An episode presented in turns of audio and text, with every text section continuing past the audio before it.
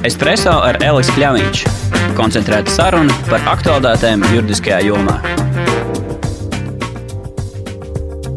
Sveiki, es esmu zvērnēta advokāta Anita Puča Dimitrovska, un šodien mēs runāsim par jauno klimata likumu. Jā, labdien, klausītāji, labdien, Anita, un tiešām šis ir ļoti interesants, un es domāju, būs ļoti aktuāls temats tuvāko mēnešu laikā, ņemot vērā, ka klimata likums ir izgājis sabiedrisko apspriešanu, cīm redzot, šobrīd tiek apkopot vai ir jau apkopot ieteikumi, un tad nu, līdz gada beigām, cik es saprotu, ir ambīcija šo likumu arī pieņemt. Varbūt vispirms tiem, kas pirmoreiz dzird par šādu likumu, tu vari īsti pateikt, ko šis likums, kāds ir tā mērķis, ko šis likums vispār risina, ko tas nozīmē. Jā, kā tu minēji, nu pat ir noslēdzies publiskās apspriešanas periods vienam no pēdējo laiku nozīmīgākajiem likumprojektiem, kas tapis vairāku gadu garumā, klimata likumam. Faktiski tas pāršķir jaunu lapas pusi klimata mērķu sasniegšanā, sniedzot tādu vispārīgu juridisku ietvaru. Nemaz nav jāmeklē kāds zinātnisks raksts, lai uzskatām ilustrētu globālās sasilšanas sekas. Tāpat Latvijā šogad esam baudījuši daudz un dažādas unikālas dabas parādības, sākot ar krustas gabaliem pingpong bumbiņu izmērā, siltuma rekordiem, kas mūs izskatās, ka ir sasnieguši arī septembrī, un tajā pašā laikā arī Redzam uh, daudz citas dabas parādības, kā izgraužu krīzi, kas ir diezgan aktuāla Latvijā šogad. Un, uh, un patiesībā, salīdzinoši īsā laika posmā, mēs redzam tādas uh, dramatiskas novirses no normas, ko pamana arī tie, kas uh, agrāk visai skeptiski skatījās uz šādiem globālās sasilšanas jautājumiem un uh, norādīja ka tie jau mūs tiešā veidā neskar vai neskars tik, tik ātri. Un līdz ar to, jā, nu šobrīd varam izdarīt šo secinājumu, ka drīzāk, ja mēs pagriezīsim otru vaigu, pavisam drīz attapsimies sižetā, kas vairāk atgādina kādu Hollywoods filmu dienu pēc rītdienas, nevis vecajā labajā Latvijā. Un eh, atkāpjoties nedaudz atpakaļ, ja mēs runājam par eh, klimata likumu kā tādu, manuprāt, ir jāpieskaras arī tam, ko paredz mūsu starptautiskās saistības. Esam daļa ne tikai no Eiropas Savienības, bet arī pilnvērtīgs eh, starptautiskās sabiedrības loceklis, kas, protams, secīgi ietver ne tikai tiesības un privilēģijas, bet arī pienākumus. Līdz ar to likumprojekts ir balstīts uz Parīzes nolīguma saistībām saskaņā ar ANO vispārējo konvenciju par klimatu pārmaiņām, kā arī ņem vērā kopējo uzstādīto Eiropas Savienības mērķi, kas ir līdz 2050. gadam sasniegt klimata neutralitāti Eiropas Savienības uh, teritorijas ietvaros. Likumā ir plānots noteikt, ka Latvijai līdz 2030. gadam noteiktos sektoros par 17% uh, šis ir atskaites punkts attiecībā pret 2005. gadu ir jāsamazina siltumnīca efekta gāzu emisijas. Uh, šie sektori ir enerģētika, transports, rūpnieciskie procesi un produktu ražošana, lauksaimniecība, atkrituma apsaimniekošana. Kāpēc tieši šie sektori? Jo šie sektori sastāv 60% no Eiropas Savienības kopējām emisijām un nav iekļauti šajā Eiropas uh, emisijas kvotu tirzniecības sistēmā. Bet, saki, varbūt pie šīm procentiem vēl atgriezīsimies, bet uh, Vēlreiz runājot par šo likumu, ja es pareizi saprotu, tad šis klimata likums apvieno sevi daudzas jomas, daudzus jautājumus, kas varbūt iepriekš bija izkaisīti dažādos tiesību aktos, teiksim tā, jo ietekmi, cilvēku ietekmi uz klimatu ir ļoti daudzveidīga, un cik es saprotu, šī likuma mērķis ir vai ambīcija ir tātad mēģināt aptvert visas iespēju robežās šīs jomas, vai ne?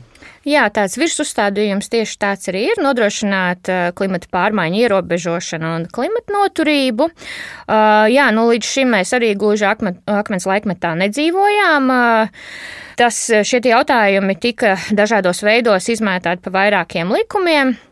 Vides aizsardzības likums, tā saucamais jumta likums, vidas aizsardzības jomā Latvijā tajā iekļautas viss, principā, būtiskās definīcijas, galvenie vidas aizsardzības principi, rīcība, ja gadījumā notiek kāds kaitējums videi. Savukārt, normatīvais akts, kura mērķis ir novērst vai samazināt piesārņojumu, vai attiecīgi likums par piesārņojumu, šobrīd tiek paredzēts, ka ar jaunā klimata likuma stāšanos spēkā šis likums par piesārņojumu arī attiecīgi zaudēs spēku. Paralēli klimata likumam stāsies spēkā vēl viens likums, kas sauksies piesārņojuma novēršanas likums. To izstrādā Vides aizsardzības un reģionālās attīstības ministrija. Līdz ar to drīzumā droši vien varam paredzēt, ka būs kā teikt, publiskāka diskusija arī par šo likumu. Un, jā, un attiecīgi atgriežoties pie šiem procentiem, par ko es runāju, Eiropas Savienības dalībvalsts vidū Latvijai uh, noteiktais emisiju samazināšanas mērķis ir trešais zemākais. Nu, mums patīk salīdzināties ar Igauniju un Lietuvu. Viņi atrodas virs mums, viņiem ir nedaudz augstāks šis mērķis. Ja mums ir 17%, viņiem ir attiecīgi 24 un 21. Un noteikto valstu mērķi atšķiras atkarībā no katras valsts iekšzemes koprodukta uz vienu iedzīvotāju un izmaksu efektivitāti. Piemēram, ja mēs skatāmies uz šīs tabulas otru galu, tad tādas valstis kā Luksemburga, Zviedrija, Dānija, Vācija, Somija tie ir 50% attiecīgi. Viņiem būs jāno, jānovirza daudz, kā teikt, plašāks līdzekļu kopums un pasākumu jāveic, lai sasniegtu šo mērķi. Bet saki, vai šis likums ir tāds vairāk deklaratīvs? 17% ir mūsu apņemšanās, mūsu mērķis, un tad ir kaut kāda cita tiesība akti, kas pasaka, kā to darīt. Ja faktiski no šī likuma jau izriet kaut kādas darbības, kas ir jādara. Es teiktu, ka abi. Likumprojekta mērķis ir nodrošināt klimata pārmaiņu ierobežošanu un eh, klimata noturību, un eh, nacionālajā līmenī tas kalpos par eh, juridisko pamatu klimata politikas ieviešanai. Kopumā tas sastāv no sešām nodaļām. Pamatlietas tajā tiks ietvertas, bet, protams, tādi specifiskāki jautājumi ir nodoti ministra kabinetam izstrādāšanai, un tie būs attiecīgi regulēti ministra kabineta noteikumos. Jā, likumprojektu sastāda sešas nodaļas kopumā. Pirmajā nodaļā ir ietverti likumā lietotie termini un mērķis, nu, ņemot vērā, ka tiek izstrādāts likumprojekts, lai pilnveidotu klimata politikas regulējumu. Nu, principā mēs varam pirmajā nodaļā atrast tādu kā klimata ābeci, Un uh, tiek skaidroti tādi termini kā klimata pārmaiņas, klimata neutralitāte, klimata noturība, pielāgošanās klimata pārmaiņām, kas ir nu, būtiski termini klimata politikas jomā. Un arī būtiski šī likuma mērķa un piemērošanas izpratnē. Otrajā nodaļā tiek noteikta kārtība, kādā tiek izstrādāta klimata pārmaiņas politikas ilgtermiņa stratēģija. To ir paredzēts veikt sākotnēji līdz 2028. gadam, 1. decembrim un vēlāk ik pēc desmit gadiem, protams, ir paredzētas tiesības, ja nu gadījumā tiek secināts, ka ir tāda nepieciešamība, kā teikt, nedaudz ātrāk koriģēt kaut ko nekā tikai reizi šajos desmit gados, visticamāk ņemot vērā, kā attīstās gan zinātnes sasniegumi, gan cik ļoti pieaug šie draudi un riski, kas saistīti ar klimatu pārmaiņām, tad desmit gadi šķiet tāds salīdzinoši ilgs laika posms. Tajā pašā laikā, jā, arī šī otrā nodaļa ietver noteikumus par to, kā tiek organizēta emisiju samazināšanas, nogļu dioksīdu piesaistes palielināšana un mērķa izpilde, monitorings, kontrola un ziņošana kā arī nosaka no sega emisiju saistību izpildes nodrošinājumu.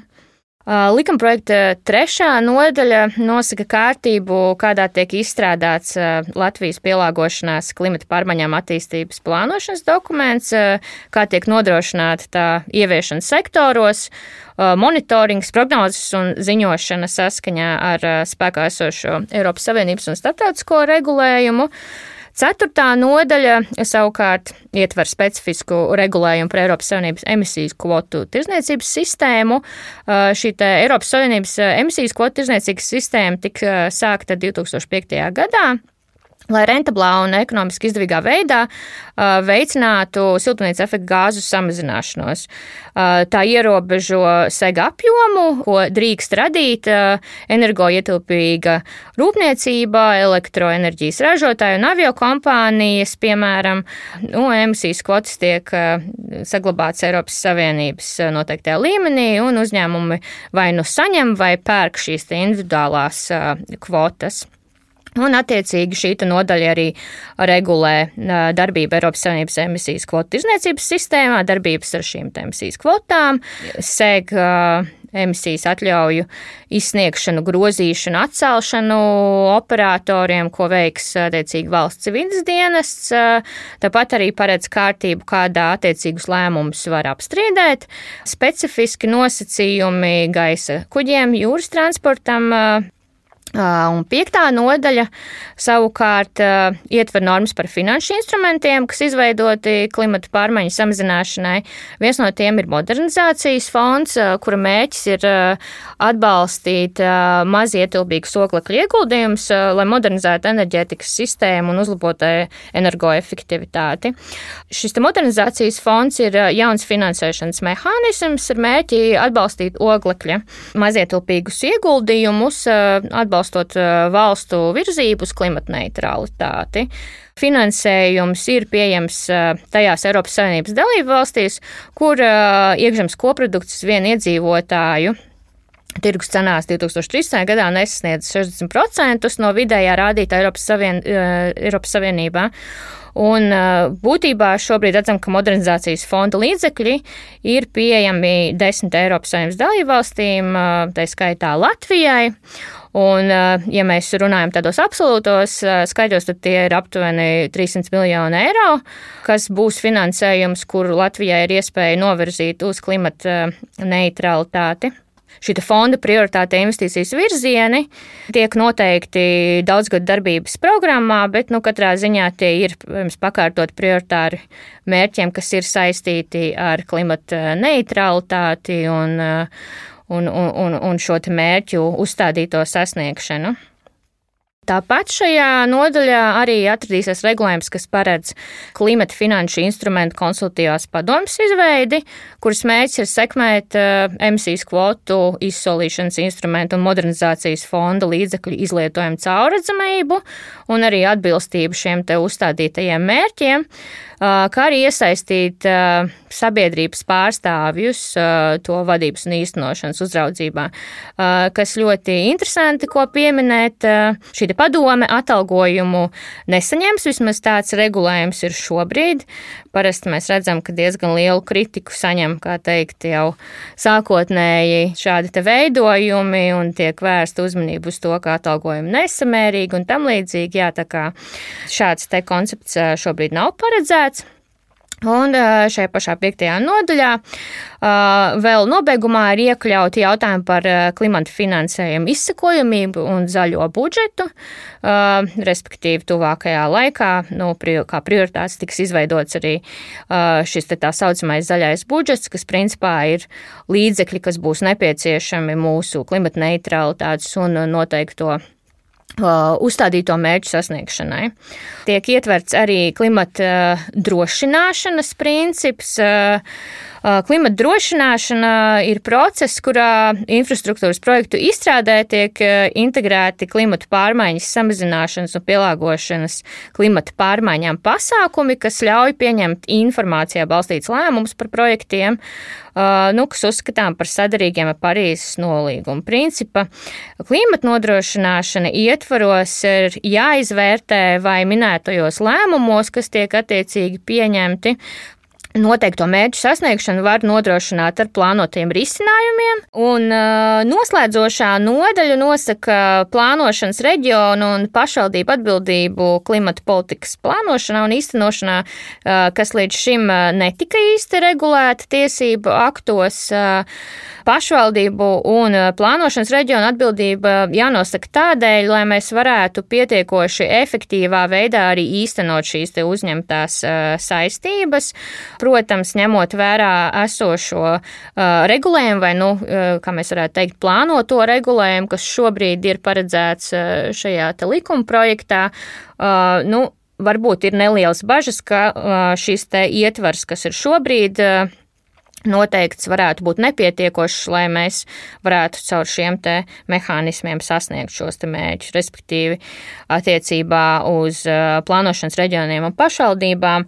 Iespējams, ka vajadzētu padomāt nākotnē, vai šis te atbildības un, un, un konkrēto rīku paredzēto pasākumu loks nebūtu jākonkretizē un jāpaplašina. Bet, teiksim, Eiropas līmenī ir kaut kāda atbildība paredzēta. Nu, mēs tagad neizpildām uz to 30. gadu. 17% neesam sasnieguši, esam sasnieguši 10% teiksim, samazinājumu. Un nu, pēc būtības mēs uh, visi esam apņēmušies uh, virzīties uz šo kopējo mērķi. Es jā, ar nepacietību gaidu, kas notiks, ka mēs pusceļā sapratīsim, ka iespējams to varbūt nevarēs sasniegt un kādas būs sekas. To mēs varēsim vērtēt tikai, teikt, ilgtermiņā.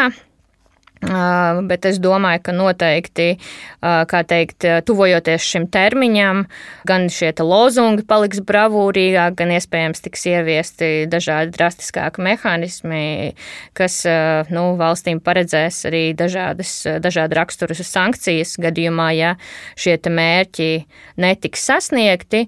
Bet nu, šeit būtiski jāvērš uzmanība, ka viens, viena puse ir sasniegt šo mērķi, bet būtiskākais jau ir nodrošināt, lai pasākumi un efektīvi pasākumi, lai šos mērķus sasniegtu, būtu ieviesti. Tas jau galu galā tas ir tādas ļoti praktiskas lietas piezemētas pavisam, jo, piemēram, transporta nozarē, kur Latvija izceļas ne tikai Eiropā, bet arī Baltijā ar savām nu, publiskā transporta, teiksim, pri, pri, privātu automašīnu parks mums sastāv pamatā no dīzeļmašīnām, kas rāda ļoti lielu izmešu to procentu, vai ne? Bet eh, kā sasniegt to, lai šīs automašīnas, šis autoparks būtiski mainītos, es pat nevaru iedomāties, tad iespējams šis zaļais budžets kaut kā veicinās vēl vairāk citu veidu transporta izvēli, bet tas, tas ir lielā mērā naudas jautājums, investīcija jautājums. Jā, nu, katrā ziņā tas ir arī, teikt, zinātnes sasnieguma process, un laikam ejot, nu, ņemot vērā, ka šī uzmanība ir pievērsta dažiem ar klimata neutralitāti un klimata saistītiem jautājumiem, tad arī, nu, teiksim, pētniecībā arī lielāka uzmanība tiek pievērsta šiem jautājumiem un redzam, nu, ka ne viss ir tā, kā mēs sākumā iztēlojāmies. Jau pamanījāt arī šajā nedēļā ziņu virsrakstos bija raksts, ka, teiksim, tur noteikts procents elektroautomobīļu lietotāju pēc tam, kā teikt, kā nākošo auto, nu, tomēr izvēlas ne elektroauto. Nu, tad ir jāizdara secinājumi, kāpēc tas tā ir kādi ir tie mehānismi, kas, eh, kas atvieglotu šo automašīnu lietošanu, varbūt tie ir kaut kāda ar infrastruktūru saistīti jautājumi un tam līdzīgi. Tas viss ir tāds eh, vērtējams eh, jautājums, bet, nu, protams, tie mājas darbi, kas mums būs jāizdara arī nacionālā līmenī, tie ir pietiekoši daudz. Un, nu, pēc tam, ja tas nebūs izdarīts, attiecīgi noteiktā apjomā, lai vismaz mēģinātu vai potenciāli varētu sasniegt šo uzstādīto mērķi, nu, tad mums varētu būt jāsaskars ar zināmām sekām. Šīs zaļā budžeta aprises ir jau izskanējuši, tas ir tā pilnīgi no nulles tagad tiks sākt? Nē, tas ir, tas ir tāds, kā teikt, vēl netverams koncepts, kas tiks papildināts, bet, nu, katrā ziņā Protams, ka visas iesaistītās puses saprot, ka, uh, lai, mēs, uh, lai mēs sasniegtu tos mērķus, ko mēs esam uzstādījuši un ko mums uzliek par pienākumu gan Eiropas Savienība, gan starptautiskā sabiedrība, uh, būs jāinvestē valsts budžeta līdzekļi. Un līdz ar to, tad, jā, protams, ir nepieciešams izvērtēt, cik daudz, cik efektīvi un kam tieši prioritāri nu, novirzām šie līdzekļi būs, bet nu, katrā ziņā līdzekļi tam būs nepieciešami. Saki, vai um, no šī likuma, uh, kad viņš stāsies spēkā, nu man kā uzņēmējam, teiksim, man kā lauksaimniecības produktu ražotājam, vai man kaut kas jau ir jādara, gat, jāgatavojas kaut ko darīt, vai kaut kas konkrēti no šī likuma uz mani, teiksim, tiek prasīts no manis. Jeb šeit gaidīšu, uh, attiecīgi, ministra kabineta noteikums, kas kaut kad nākošais gads sekos. Un, un, un tie jau man tad liks kaut ko darīt. Ja, ja šis likums faktiski jau nozīmē, ka man jau ir jāgatavojas kaut ko mainīt. Nu, neņemot vērā to, ka man jau, kā saka, būtu pašam jāsaprot, ka, ka, ka, ka nāksies to savu ražošanu pārorganizēt par zaļāku, bet, bet, bet teiksim, tādas konkrētas likuma prasības uz, teiksim, uz uzņēmējiem vai, vai, vai šis likums jau izvirza. Salīdzinoši atkarībā no nozares eh, var nojaust, kas, eh, kas tiks eh, sagaidīts, un, un būtībā iezīmētas ir tādas pamatlietas, ar ko ir jārēķinās, nu, un, bet nu, detalizētāks regulējums arī pa nozarēm, nu, tas ir vēl kaut kas, kas būs tapšanas stadijā. Bet, nu, Jā, likuma projekts aptver arī uh, attiecīgi jautājumus, kas uh, būs piemērojami un skars kā plašāku uh, loku.